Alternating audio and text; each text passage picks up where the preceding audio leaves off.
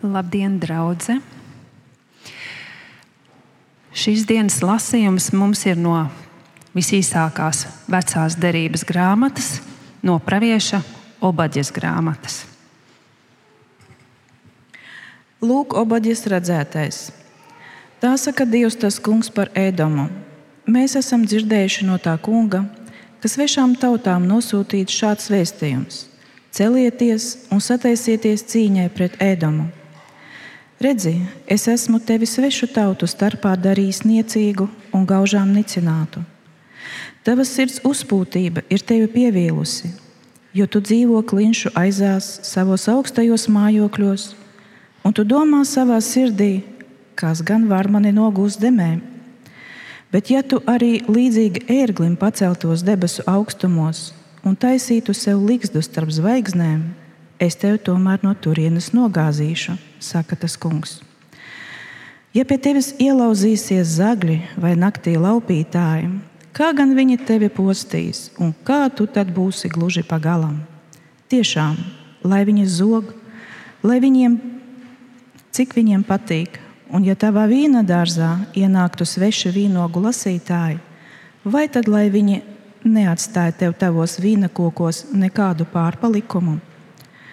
Cik labi viņi tomēr izdibinājuši visu par Eisavu un izmeklējušies pēc viņa bagātībām. Visi tavi sabiedrotie dzīs tevi projām no savas zemes līdz pašām tavām robežām. Labie draugi, uz kuriem tu liki lielas cerības, un sagaidīja mierinājumu, piekrāps un uzveiks tevi. Tie, kas ēd tavu maizi, nodos tevi, iekāms tu to pamanīsi.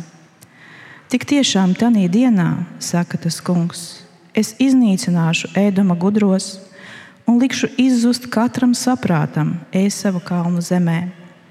Un tavi drosmes pilnie karavīri man kritīs izmisumā, tā ka visi ļaudis ēsava kalnu zemē tiks iznīcināti.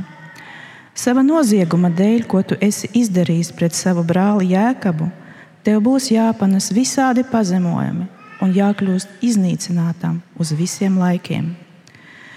Tanī dienā, kad tu biji turpat, turpat klāt, kad svešinieki veda projām sagūstītu viņa karaspēku, kad sveštautieši lauzās iekšā pa viņu pilsētas vārtiem un meta kauliņus par Jeruzālemi, tu biji tāds pats kā ik viens no viņiem.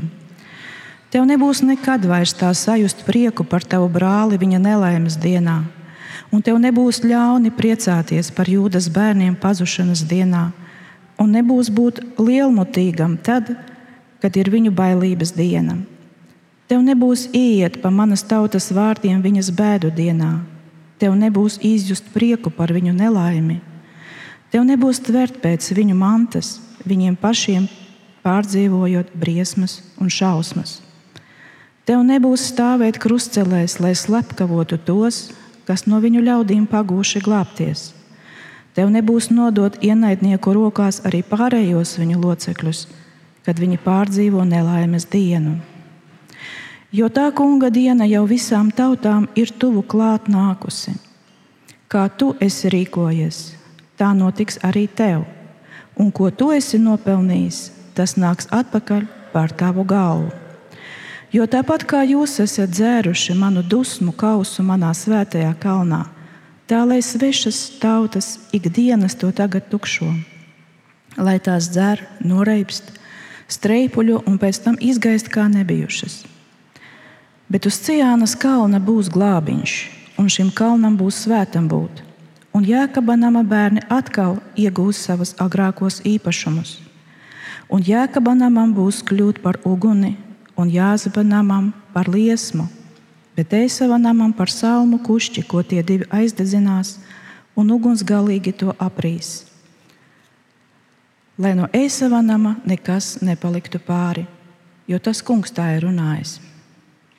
Un tie, kas dzīvo uz dienvidiem, iemantos Eisava kalnu zemi, un tie, kas mīt ieplakā, iegūs savā varā filistiešu zemi Viņi ieņems arī Efraima un Samarijas klājumus, un Benjamīns iekaros Gileādu. Un šā Izrēla bērnu karaspēka locekļi, kas bija aizvesti gūstā, iegūs zemi, kas pieder kanāniešiem līdz Seraptai, un no Jeruzalemes trimdā aizvestie, kas atrodas Sefaradā, dabūs sev dienvidu pilsētas. Un atsvabinātāji uznāks Ciānas kalnā, lai būtu par tiesnešiem Ēsava kalna zemē, un ķēniņa valstī augstā vara piederēs tam kungam. Lūksim Dievu! Tu esi svēts, mūžīgs, bijājams Dievs un tavs vārds mums ir atklāts.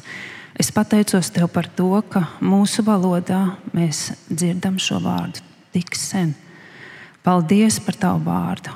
Es pateicos, ka tavs vārds ir varējis skanēt mūsu zemē gadsimtiem ilgi. Tavs vārds ir liels un bijājams. Tu esi atklājis šodien savā vārdā briesmīgus vārdus par tautu, kas tevi negodā kas ir bijusi nežēlīga, zinot, pazīstot tavu vārdu. Es lūdzu, Kungs, lai Tava žēlstība ir pār mums katru, ka mēs lūdzam atdošanu par savu lepnību, iedomību, par visu to, kas mūs var attālināt no Tevis. Kungs, esi mums žēlīgs, esi žēlīgs mūsu tautai. Paldies par šo valsti, par šo zemi, kas ir brīnišķīga un skaista. Bet, kungs, esi mums žēlīgs. Pagodini savu vārdu mūsu sirdīs, kungs, lai mēs varam svētīt katru, kas nāk no tavas tautas. Lai mēs varam svētīt un savā sirdīs nekad nevēlēt ļaunu nevienam svešiniekam, nevienam, kuram vajadzīga palīdzība. Kungs vad mūs un svētī Matīsu, kuram šodien ir jāsludina. Svētī viņu Jēzus Kristus vārdā. Āmen!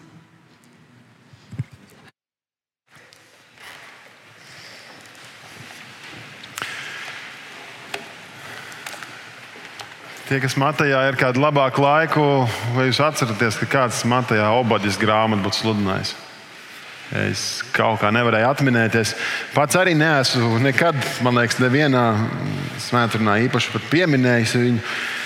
Bet, ja godīgi, tad, kad uh, atnāca tā rakstu vieta pie manis, mēs ar uh, Elīnu bijām mašīnā. Mēs braucām un braucām Un, uh, es pēkšņi atveru telefonu, uh, Bībeli. Es zinu, nevajag pēc stūres vērt Bībeli vaļā. Tas ir ātrais ceļš uz debesīm. Bet, uh, Bet es, es Elīna saku, izlasi man 4. līdz 9. pantu. Viņa sāk lasīt, un es saku, baigi, tā kā nav tāds, tāds celsmīgs teksts. Ja es tev nogrūdīju, pat ja tu līdzīgi ērglim paceltos debesu augstumos un taisītu sev līgus starp zvaigznēm, es tev tomēr no turienes nogāzīšu, saka tas kungs un tālāk.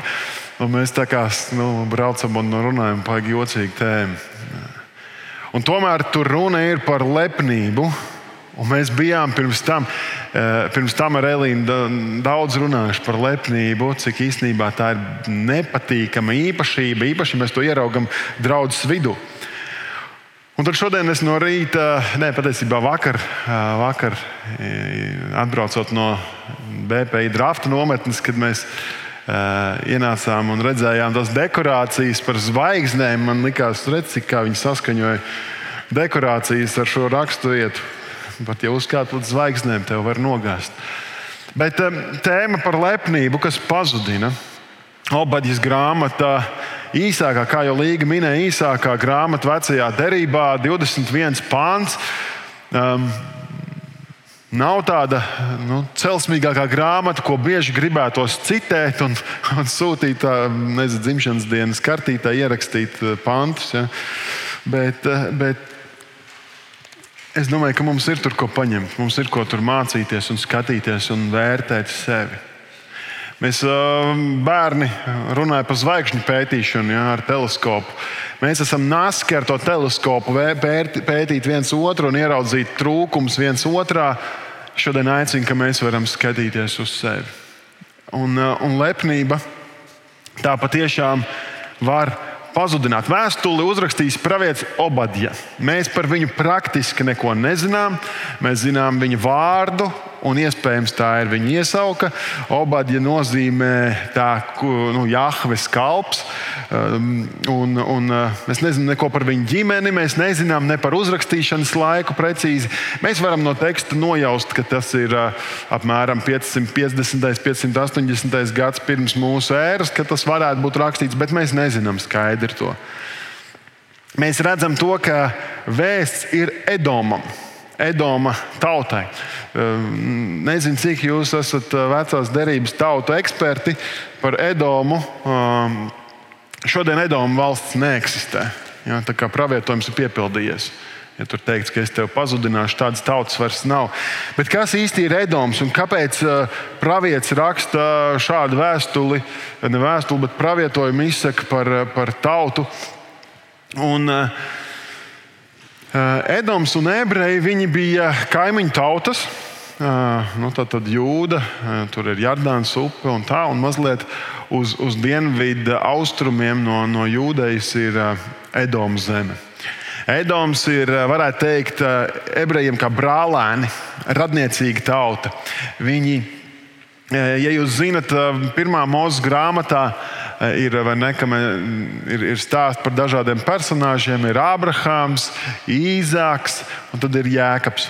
Sāka Abrahāma dievs, Īzāka dievs un Jēkabs dievs. Stāsts ir par Jēkabu. Jēkabs, viņam bija brālis, brālis Esavs.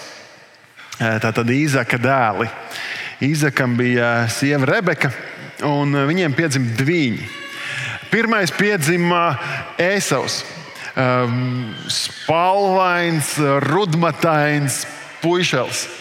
Uh, un, uh, es nezinu, vai viņš vairāk tā tāds orangutāns izskatījās vai kā, bet nu, tik ļoti, ka viņam pat vārdu iedeva ēsaus, kas nozīmē matiem noaudzis. Ja bērns piedzimst tik ļoti matains, ka viņam vārdu tādu iedod, es domāju, ka tas bija iespaidīgs skats. Bet uh, uzreiz aiz ēsaus piedzima Jēkabs, un Jēkabs bija viņam pieķēries pie papēža.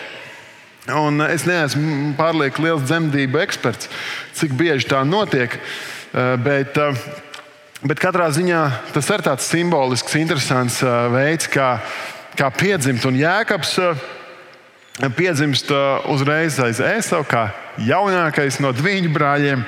Un, Un viņš atkal ir viņa vārds, ja ēsavu vārds nozīmē matiem noaudzis, tad jēkaba vārds pēc būtības eh, nozīmē, nu, vai nu viens veids, kā tulkot, ir šis pie papēža pieķēries, bet eh, ebrejiem tas, tas ir kā izteiciens, lai pateiktu, ka viņš ir tāds. Nu, Manipulators, pievīlējis, schēmotājs, kurš.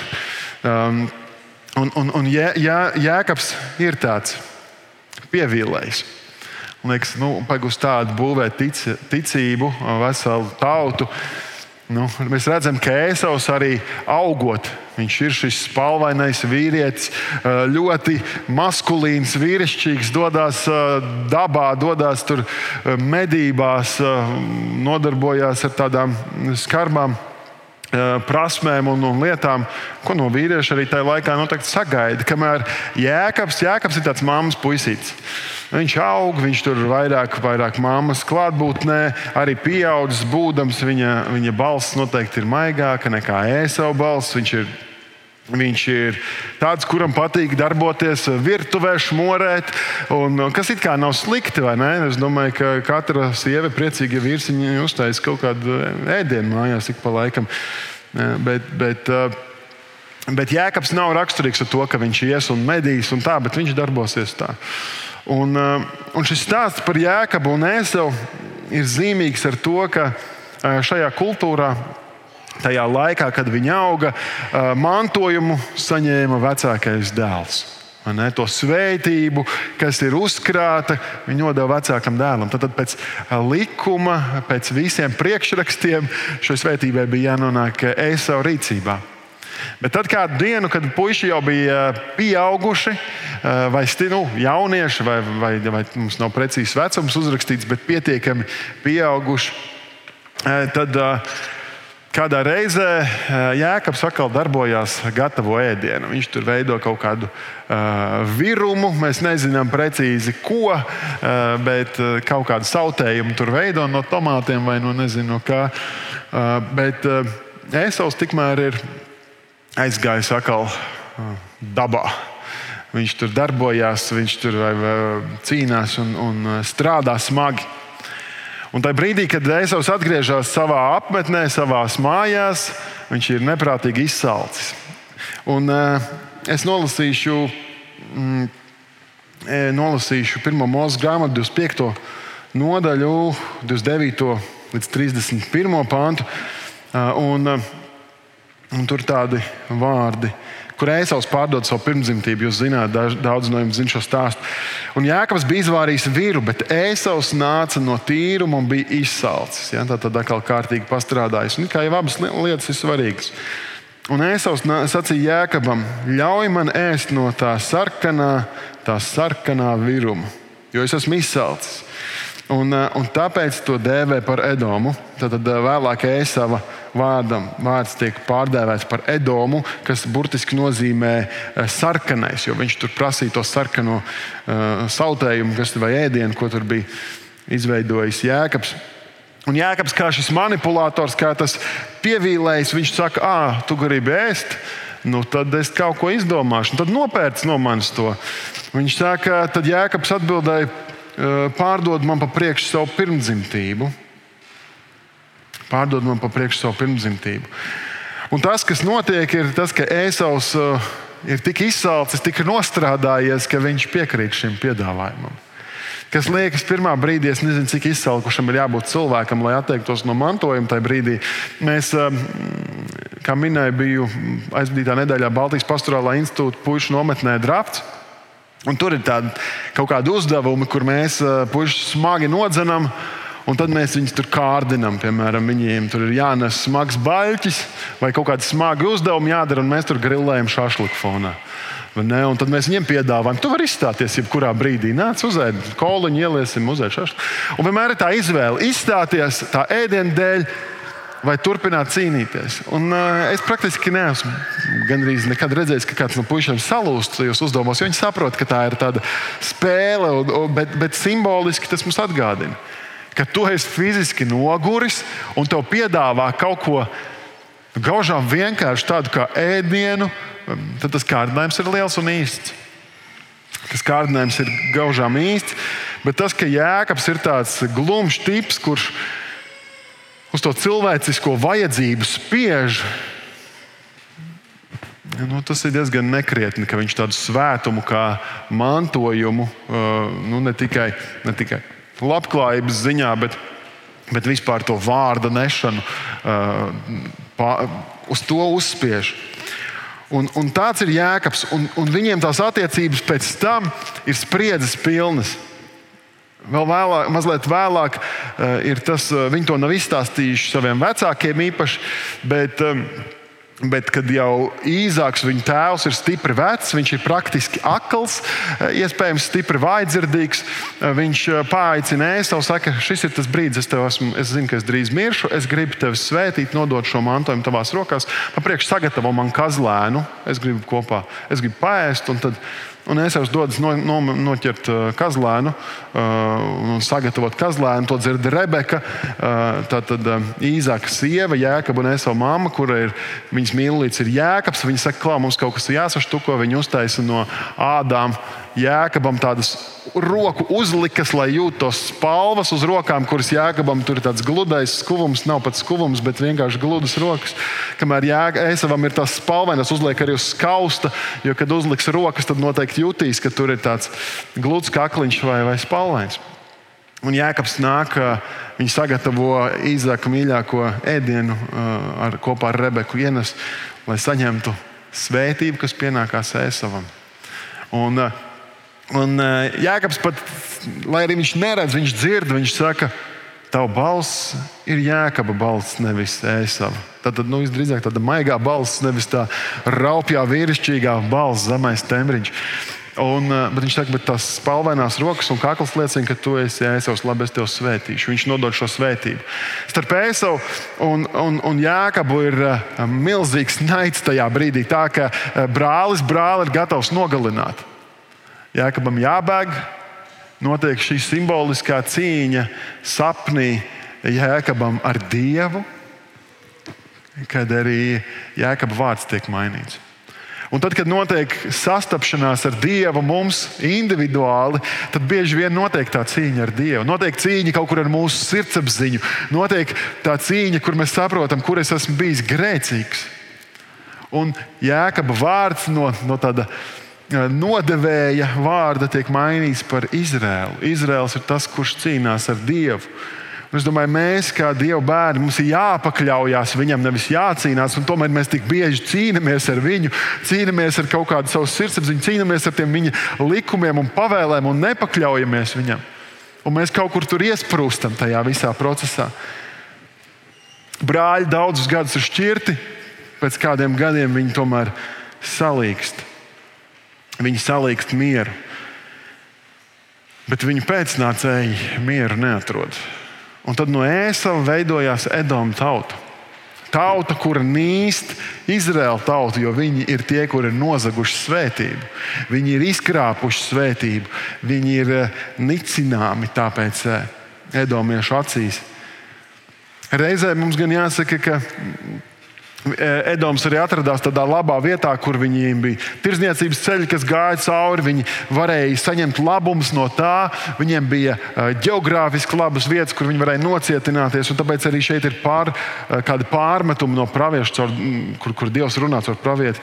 Bet viņi ar tādu lielu lepnību un paaugstināšanos skatās uz saviem brālēniem, uz saviem brāļiem no augšas. Un tas tā, tāpēc es šodien gribu runāt par, par lepnību, kā tas uz mums attiecas. Un tā viena lieta ir, ka lepnība paaugstina sevi. Ja es esmu lep, lepns, ja manī mīt lepnums, tad tāpēc mēs arī sakām augstprātība. Tas man liek likt, būt baigi augstās domās par sevi, paaugstināt sevi. Un to mēs redzam šeit Dieva vārdā.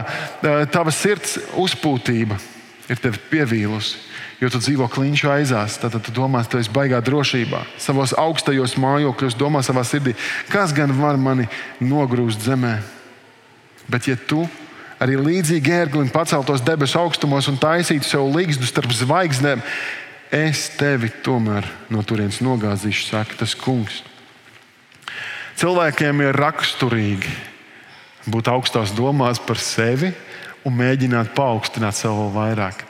Mēs to redzam šeit, mēs to redzam senāk, kur bija Bābeles torņa celtniecība, kur cilvēki teica, celsim savu torni par piemiņu, lai, un celsim savu vārdu. Vai ne, ka mēs lūkojamies, mēs redzam, ka mēs esam bez maz vai kā dievi.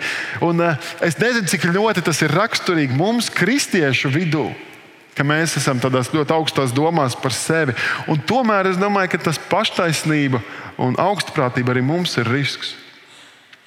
Pasaulē, sekulārā sabiedrībā ļoti daudz cilvēki, kuri saka, es neticu dievam, vai es neticu nekam, nekādam augstākam spēkam, viņi tomēr sevi liks tajā visuma centrā. Viņi būs šajā dieva vietā. Un, eh, un jo es augstāk kāpu, jo man ir zemāks tas kritiens vienā brīdī. Un, protams, mēs nevaram arī dzīvot kā tādi mazie nabadzīgi, vienmēr tādu saliektu muguru. Mums ir jāspēj iztaisnot muguru un stāvēt stalti. Bet reizē augstprātība pieviļ, augstprātība pazudina, augstprātība apdullina. Ja es ar tādu lepnību citus, uz citiem lūkojos no augšas, tas neko labu par mani neliecina. Un, eh, un mēs šeit redzam, ka tas šķietamais pārākums pār brāļu tautām, tas pilnībā apdullina. Sastāvā pantā, piemēram, eh, tur, tur pravietis rāda, ka apkārtējie cilvēki, tu vari domāt, ka tu esi pārāks un augstāks par, par citiem, ka tu viņus esi izpratis, izskaidrojis, ka tu visu zini, bet viņi tieši tāpat arī redz tevi. Psiholoģijā mēs, eh, ir, ir runa par tādu terminu, tas, um, kā, kā tāda iedomāta. Au, au, kā būs pareizi. Labi, es pēc tam izdomāšu, kā būs pareizi. Bet, kad tu savā galvā tev ir tāda šķietama pārākuma sajūta, bet, eh, bet viņi, nav, viņi nav nekur pamatot. Tev tikai šķiet, ka tu esi labāks un pārāks par citiem. Un tad sastajā pantā, piemēram, šeit. Viņš saka, cik labi viņi, tās citas tautas, kas uz tevi skatās, uz Edomu skatās, uz mani skatās vai uz tevi skatās, cik labi viņi tomēr ir izdibinājuši visu par ēsavu un izmeklējušies pēc viņa bagātībām. Tev liekas, ka tevi nevar nolasīt, bet īstenībā tie cilvēki, kas tev ir apkārt, tie, kas tev vēro, un, un ja tu esi tajā lepnībā apdullis, tad uh, tev var ļoti labi nolasīt tāpat. Un redzi, tajā brīdī, kad tu dzīvo tajā lepnībā, tajā paštaisnībā, augstprātībā. Un tu jau, es domāju, ka neviens no mums tā baigas tev neliek tās birkas klāt. Jā, es esmu lepns cilvēks, vai es esmu augstprātīgs. Es domāju, tur mums ir visu laiku jāpārmeklē, vai tik es tāds neesmu kļuvis. Un tad, ja es tāds esmu kļuvis, tad man ir jābūt uzmanīgam, jo tas patiešām šī pārākuma sajūta apdullina. Lepnība apdullina arī pirms uzbrukumiem. Mēs neesam gatavi. Mums liekas, es esmu tik stabils, nostājies, es tik esmu varens, ka man nekas nevar notikt. Un redzi, Šeit, piemēram, 9. pantā, tā, kad nāk uzbrukums un tāda drosmes pilnie karavīri man kritīs izmisumā, tā ka visi ļaudis Ēsavu kalnu zemē tiks iznīcināti. Tad drosmes pilnie karavīri man kritīs izmisumā. Tā liekas, nu, tu esi tik varants, bet tad nāk sitiens kaut kāds, un tu vienkārši esi izmisumā. Tu nezini, ko darīt. Man liekas, ap Jāņiem, kad bija tas, tas tā jēzga Krievijā, kur Wagner grupējums pagriezās un devās uz Maskavu.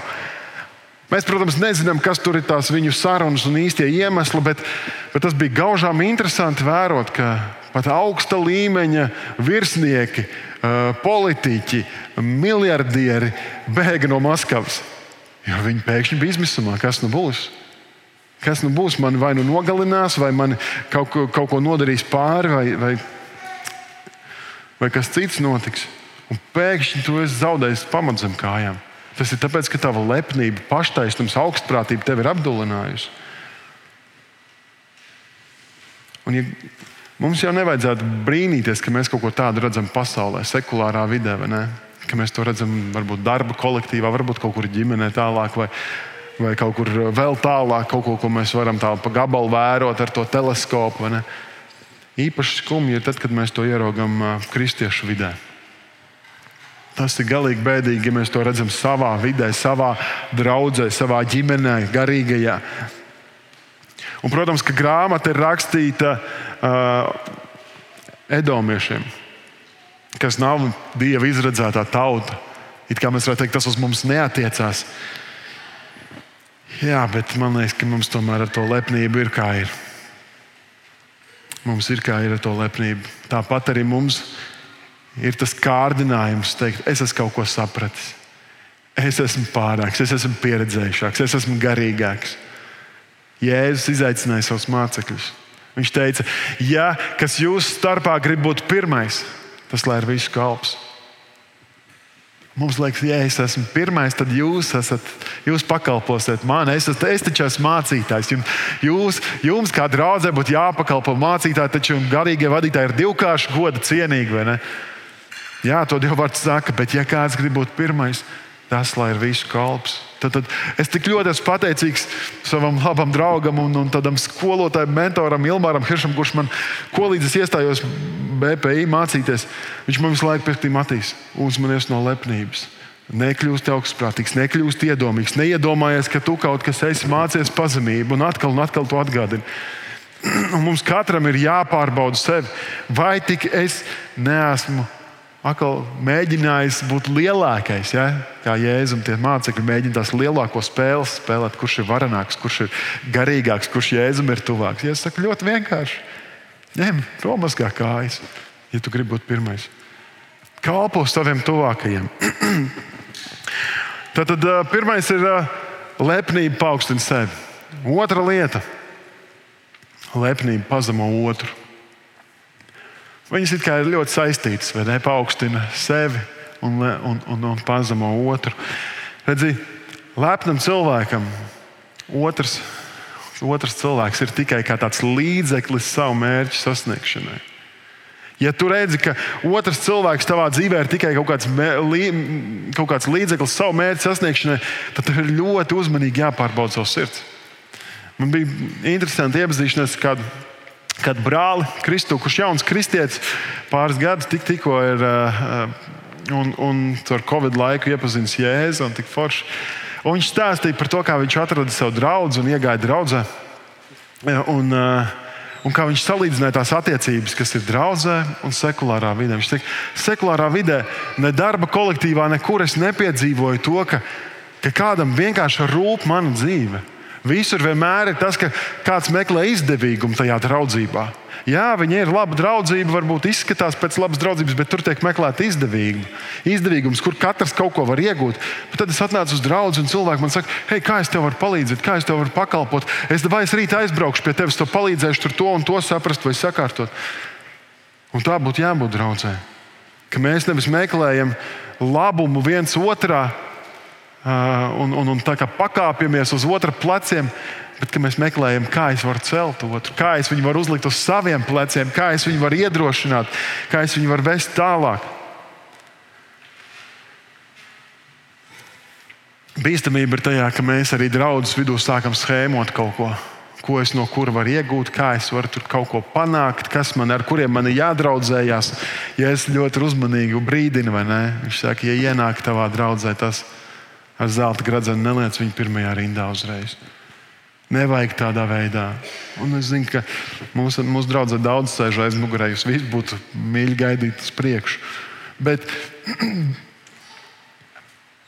ja mēs sākam schēmot, ja man zemapziņā pat tas griežās visu laiku, tad visdrīzāk arī man apkārtēji ir līdzīgi schēmos pret mani. Te ir interesanti 7. un 8. pāns. Visi tavi sabiedrotie dzīs tevi projām no savas zemes. Nu, acīm redzot, tad, kad tu beigsi un tev, uh, tu viņiem vairs nebūs ēsts, dzīs tevi projām no savas zemes līdz pašām tavām robežām. Labie draugi, uz kuriem tu liki lielas cerības un sagaidīji mierinājumu, piekrāps un uzveiks tevi. Tie, kas ēd tavu maizi, nodos tev iekāms, tu to pamanīsi. Tik tiešām Tanī dienā, saka tas kungs, es iznīcināšu Edomu gudros un likšu izzust katram saprātam ēsavu kalnu zemē. Ja tu sāki schēmot, ja tu tur sāki tavi draugi, draugi, es likšu pēdiņās, viņi tieši tāpat arī tev uzgriezīs muguru, tad, kad tu viņiem nebūsi izdevīgs. Ietrieks dūns mugurā, tad, kad tas viņiem būs izdevīgi. Tu vienkārši sapīsies meistarībā, un viss tava gudrība būs tā kā, kas tagad notika. Bet, ja tu ej ar to kalpot gribošo sirdi, tad tu nevari sapīties meistarībā, tu vari vienkārši kalpot cilvēkiem. Tālāk no 10. pānta uz priekšu tur ir tā galvenā apsūdzība. Ko tad Dievs caur pravieti pārmet šai tautai? Un es domāju, kur mums ir jāizmeklē savas sirds. Un tas ir kā reiz par šo pakāpšanos uz, uz brāļa pleciem sava nozieguma dēļ, ko tu esi izdarījis pret savu brāli Jēkabu. Tad it kā tās karojošās tautas, vai ne? Sāncenšu tautas, bet tās ir brāļu tautas, ko tu esi izdarījis pret savu brāli Jēkabu. Tev būs jāpanes visādi pazemojumi un jākļūst iznīcinātam uz visiem laikiem. Es domāju, mēs varam izdomāt vismaz dažus ebrejus, ko mēs vai nu zinām, vai pazīstam šeit, Latvijā, vai kaut kur, bet mēs nevaram nevienu edomieti iztēloties, nevienu nepazīstam. Ko tad viņš ir izdarījis pret savu brāli? 11. pāns. Tad dienā, kad tu biji turpat klāt, kad svešinieki veda projām sagūstītu viņa karaspēku, kad sveštautieši lauzās iekšā pa viņu pilsētas vārtiem un meta kauliņus par Jeruzalem, tu biji tāds pats kā ik viens no viņiem. Tad, tad pirmkārt bija uzbrukums, un tu vienkārši skatījies no malas. Tu skaties, jo nebija ērti, nebija izdevīgi iestāties, nebija izdevīgi uh, palīdzēt. Redz, nekā nedarīšana, Dieva vārds saka, ja tu zini labu darīt un to nedari, tas tev tiek pieskaitīts par grēku. Nekā uh, laba nedarīšana arī ir grēks. Un tas ir pārmetums. Ja tu redzi, kādam draudzē ir vajadzība, un tu zini, kā to atrisināt, tad, ja tu izliecies to neredzam, tad, tad tas ir akmens tavā lauciņā. Un, protams, ka tie akmeņi mums katram, mūsu katra lauciņā var samest. Cik bieži ir tās reizes un iespējas, kur mēs zinām, kā es varētu labu kaut ko izdarīt. Un tomēr es izvēlos neredzēt, izvēlos nepalīdzēt, izvēlos e, noignorēt. Tālāk, ko viņš saka 12. pantā. Tev nebūs nekad vairs tā sajust prieku par tavu brāli viņa nelaimes dienā. Un tev nebūs ļauni priecāties par jūdas bērniem pazušanas dienā. Un nebūs būt lielmutīgam tad, kad ir viņa bailības diena. Tad, tad prieks par otru nelaimi. Viņi tur sāncenšas, un ko līdz viņam neiet. Es atceros bērnībā, kad skatījos bobsleju. Nezinu, kāpēc latviešiem patīk tas bobslēgs, bet es skatījos bobsleju. Un, eh, nu, ka mūsēji, ja nobrauc tur pa to reni lejā, vai kad viņiem vēl jābrauc, un tur tie ciešākie sānceņš brauc, es savā domās vienmēr skatījos, domāju, kaut viņam aiziet tā slīpe, ka viņš zaudē, nu, nevis kā apgāztos, bet kaut viņam aiziet kaut kā šķība druskuļi, ka viņš lēnāk brauktu. Redzi, un, un prieks, prieks par otra nelaimi ir arī grēks. Tad, kad es priecājos par to, ka otram neiet, ka viņam kaut kas sagāja dēlī, ka viņš satraumējās, ka viņam attiecībās kaut kas sagāja grīstē, tikai tāpēc, lai es varētu izskatīties labāk, nu, tad es esmu tāds pats nelietis. Un, redz, un tad tu vari kļūt bravūrīgs, redz, kā es, es tā nē, es tā nē. Un reizēm tas ir tik skumji, ja es to redzu kristiešu vidū. Sekojot līdzi mazliet tam, kas notiek, piemēram, Amerikā, lielās draudzēs, mēs ņemam gan daudz resursus, mācāmies, skatāmies viens no otra, vai ne? Un, un, un skatoties uz Amerikā lielajām megadraudzēm, tur ik pa laikam kāds lielāks skandāls izskan. Vai nu mācītāja, mācītāja laulība ir izjukusi, vai nu tur ir kaut kas ar finansēm greizi sagājis, vai nu tur uzpeld kaut, kāds, kaut kāda atkarība, vai, vai ir pat gadījumi, kad tu dzirdi par kaut kādu pašnāvību, ko mācītājs izdarījis. Liekas, kā tas var būt? Kā tas var būt? Un tad ir tik bēdīgi, ja es dzirdu starp brāļiem, kristiešiem, kuri saka, es jau sen teicu, ka tā būs. Es jau zināju, ka tā būs. Redz, kā, un es tā nedaru, es esmu labāks. Nu, varbūt ne tieši tādiem vārdiem, bet tā noskaņa, tā atmosfēra tajā sarunās ir tāda. Mums būtu jāraud par to, ja kādam brālim neiet. Ja kādam brālim kaut kas, ja brālis krīt grēkā, ja brālim ir kaut kāda sāpe vai bēda, Man nevis jāpriecājas par otru nelēmu, bet jābūt tam, kurš raud līdzi ar viņu, kurš iestājas par viņu, kurš stiep roku un saka, nāc atpakaļ. Mēs vēl varam kaut ko darīt. Prieks par otru nelaimi ir grēks. Bet tas ir tik daudzkārt vienkāršāk pakāpties uz otru nelaimi un izskatīties labākam. Un tas ir tas, ko arī uzreiz 13. pāntā pārmet Dievs. Tev nebūs ieiet pa manas tautas vārtiem viņas bēdu dienā. Tev nebūs izjust prieku par viņu nelaimi, tev nebūs tvert pēc viņu mantas, viņiem pašiem pārdzīvojot briesmas un šausmas. Ir tik daudz vienkāršāk pakāpties uz otra muguras, tad, kad viņam neiet, tad, kad viņam ir bēdas, tad, kad ir sāpes. Tad, kad ir izmisums, tad liekas, o, es tur varu iegūt sev kaut kādus kredītpunktus, kaut kādas uzticības kredītus, kaut, kā, kaut kādu labumu sev savā, savilkt. Te ir runa par kaut kādu marodierismu, un, un zakšanu un laupīšanu burtiskā veidā. Bet es domāju, mums katram tāds risks ir, ka es mēģinu tādā veidā pazemot otru, ka es pakāpjos uz viņa muguras. Un tas, ko Dieva vārds šeit 15. pantā saka, tas, ka ja tu pat to māki smuki nomaskēt, ka citi to neredz, Dievs to redz. Jo tā kunga dienai jau visām tautām ir tuvu klāt nākusi. Kā tu esi rīkojies, tā notiks arī tev. Un ko tu esi nopelnījis, tas nāks atpakaļ par tavu galvu. Mēs redzam, ka netaisnība netiks nepamanīta, ka Dievs to visu redz ka Dievs ir taisnais tiesnesis, kurš kaut kādā brīdī atmaksās. Un mēs nezinām, kad un kā. Kārdinājums ir pašam mēģināt atriept un at, atspēlēties un pierādīt, ka tomēr tas otrs ir vainīgs un viņam parādīt, redz, kā tu biji vainīgs. Un tas ir kārdinājums, kurā es domāju, mēs katrs tik bieži krītam. Es domāju,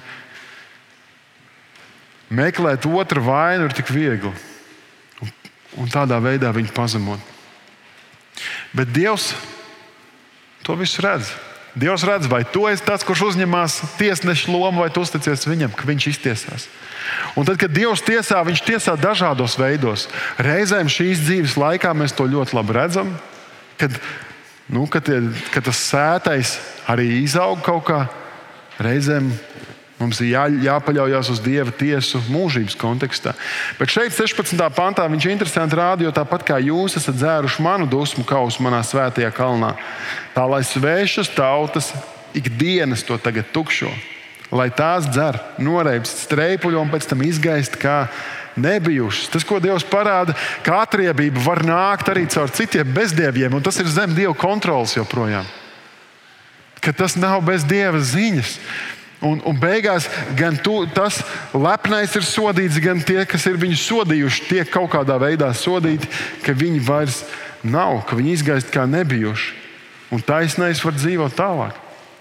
Un viegli tagad ir domāt, tas ir lepns, tas ir lepns, bet vai es esmu tas, kurš paaugstina sevi?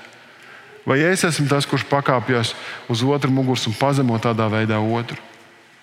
Es domāju, tas risks mums katram ir. Īpaši Es domāju, mācītājiem, garīgiem vadītājiem ir baisais risks. Ja cilvēki tev uzticās, es jauniem kristiešiem vai tiem, kas gatavojas kristībām, es vienmēr mēģinu teikt, nebūvē savu ticību uz citu cilvēku ticības. Nebūvē savu ticību uz to, kurš šeit sludina no priekšas. Vai tas būtu es vai kāds no citiem mācītājiem. Jo mēs esam tikai cilvēki. Mēs esam aicināti dievišķā misijā, bet mēs esam tikai cilvēki. Ņem Dievu vārdu, lasi pats, mēģini domāt, mēģini saprast, lūdzu Dievu, prasa svētiem garam, atklāj man, rādi man, māci man. Un tas ir tik bēdīgi, ja mēs redzam, ka, ka cilvēks nenāk uz draugu, uz baznīcu, jo viņš ir apvainojies uz baznīcu, tāpēc ka viņa kāds kristietis ir eh, pazemojis, ka kāds kristietis viņam nodarīs pāri. Un tā domādams, Dievam ir baigi kalpojis. Izcīnījis lielo taisnības cīņu, bet kādu ir atgrūdis no, no dzīvības. Un domā, ka viņš ir baigais malacis, bet īstenībā viņš ir, viņš ir Kristus līga vai iespļaus sejā. Bet ko tad darīt? Ko mums, kā tādiem cilvēkiem, kuriem ir vienmēr cīņa ar lepnību, darīt? Un lepnība, es gribētu teikt, ka lepnība izzūd Dieva klātbūtnē. Lepnība izzūd Dieva klātbūtnē, tāpēc ir tik svarīgi, ka mēs tuvojamies Dievam. Un šodien mēs arī simbolu veidā, simbolu valodā, ko Jēzus mums atstāja maizi un, un, un vīnu, ja biķeri, kur mēs baudām šo, šos simbolus, ka mēs baudām šo kā atgādinājumu, ka man ir jātuvojas Kristum. Es esmu tas nelietis, tas lepnais, tas, tas grēcīgais cilvēks, kuram ir atkal un atkal jāmazgā kājas tā kunga klātbūtnē ka man ir atkal jānožēlo tas, kur es esmu bijis nekrietns, kur es esmu bijis lepns, kur es esmu bijis paštaisns un iedomīgs. 17. pantā mēs redzam, ka glābiņš taču ir pie Jēzus. Bet uz Cienas kalna būs glābiņš. Uz Cienas kalna būs glābiņš. Un šim kalnam būs svētam būt. Un Jēkaba nama bērni atkal iegūs savus agrākos īpašumus. Šim kalnam būs svētam būt. Man un tev, ja mēs ejam pie Jēzus, ja mēs glābjamies pie Viņa, mums būs būt svētiem. Tas nozīmē dzīvot saskaņā ar Viņa vārdu, pārmeklēt sevi atkal un atkal, nožēlot to, kas jānožēlo, un, un atkal veidoties Kristus līdzjūtībā. Redzi, šīs bija brālēnu tautas, brāļu tautas, Edoms un Izraels. Un, uh, tad, kad Mozus deva likumus uh, savai tautai, Izrēlam, jūdiem, viņš uh, ielika likumu, ka, ja brāļu tauta nāk, ja, ja edomieši nāk un vēlas pievienoties tev, tad tev nav jāpiemina viss sliktais, ko viņi ir darījuši, bet tev viņi ir jāpieņem pie sevis. Ja viņi ir gatavi atkal sekot Jēzum, nu, es tagad nesu uz jaunās derības kontekstu, ja viņi ir gatavi sekot Dievam, mainīt savu dzīvi, tad tev viņš ir jāpieņem atpakaļ. Līkums to paredzēja. Un apsolījums ir, ka dieva tauta ies plašumā. Te 18. pantā Jēkaba namam būs kļūt par uguni, un Jāzepa namam par liesmu, bet Ēsava namam par salmu kušķi, ko tie divi aizdedzinās, un uguns galīgi to aprīs, lai no Ēsava nama kas nepaliktu pāri. Tad Jēkab namam kļūt par uguni, un Jāzepa namam par liesmu, kas aprīst Edomu, jeb šo Ēsavu pēcnācējus. Un mēs zinām, ka laikam ejot, šī lepnība jau nekur nepazuda. Šīs tautas tāpat cīnījās savā starpā. Tur vienmēr bija kaut kāds rūkums un naids. Bet līdz 110. gadam, apmēram pirms mūsu ēras, lielais vairums Edomiešu bija asimilējušies ar jūdiem, bija pieņēmuši jūdaismu prakses, sekoja dzīvajam dievam, bija novērsušies no elkiem mēs redzam, ka Dieva tauta iet plašumā. Bet vienmēr paliek kādi, kas nepieņem. Kādi, kas paliek lepni, kādi, kas paliek paštaisni. Un mēs zinām, ka, ka Herods, ķēniņš Herods, kurš mēģināja Jēzu nogalināt kā mazu bērnu, viņš nāca no Edomiešiem, no Idoma, kas ir mazliet cita teritorija, mazliet cits laiks, bet tas, tas ir tā, tas pats cēlums, tā pati sakne. Tas pats rūkums tur ir palicis, kurš mēģina nogalināt mazo jēzu, nogalina tik daudz mazus bērnus, ka tāda brēkšana un raudāšana nav dzirdēta tajā vietā nekad. Un vēlāk no, viņš ir tik bailīgs, nepārliecināts par sevi, bet brutāls cilvēks, ka eh, baidoties par savu varu nogalina cilvēku savā ģimenē. Vēlāk kāds no viņa pēcnācējiem ņem un nogalina Jānu Kristītāju. Un vienkārši vēršas pret šo tautu brutāli, uh, brutāli apspiežot. Bet tā uguns, kas izdedzina viņu. Ap 70. gadu uh, mūsu erā jau liels pulks šo pēdējo edomiešu, viņi separātistu grupu pieslēdzās ebrejiem, un viņi tika Un tad, kad tika nopostīts templis, viņi tika sadedzināti turpat līdz ar viņiem.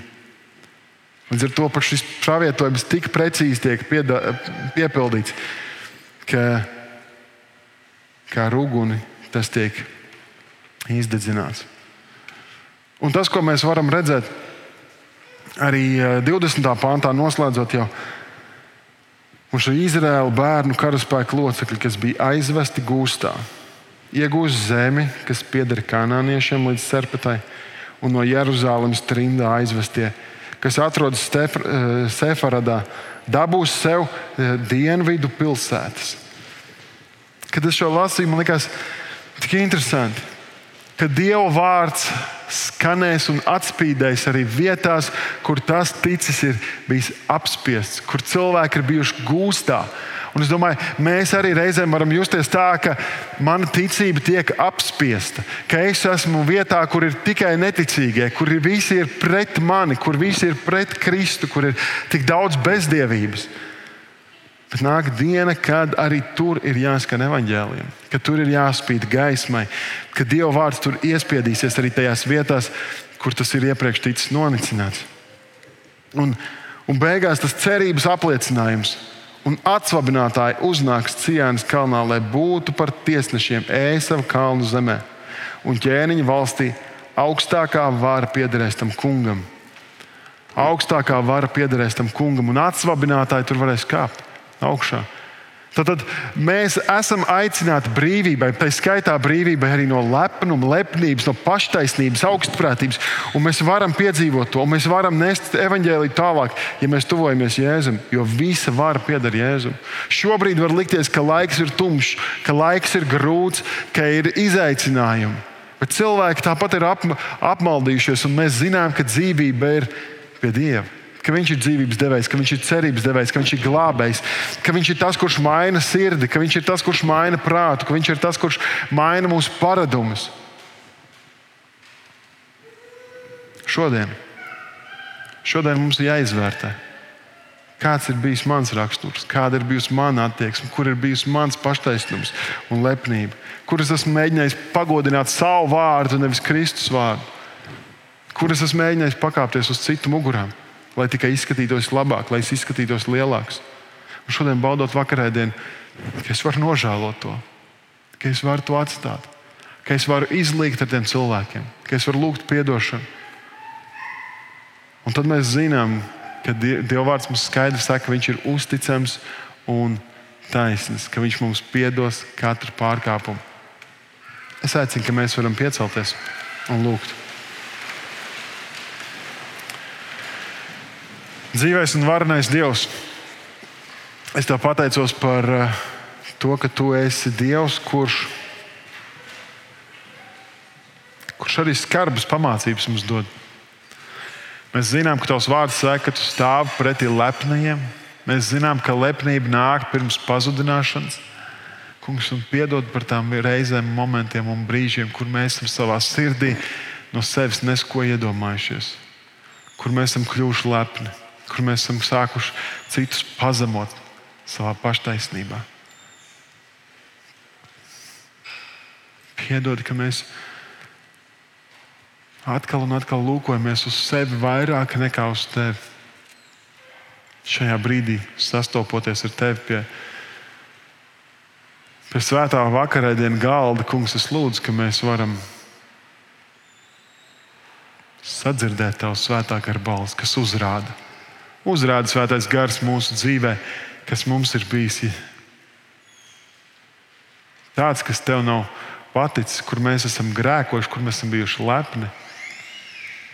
Ļauj mums piedzīvot tādu kopību un vienotību, kas ir iespējama tikai tavā mīlestībā, tikai tavā žēlstībā, tikai tad, kad tu pieskaries. Svētais gars dara savu darbu pie mums, šķīstī un mazgā. Tavā svētā vārdā to lūdzu. Amen.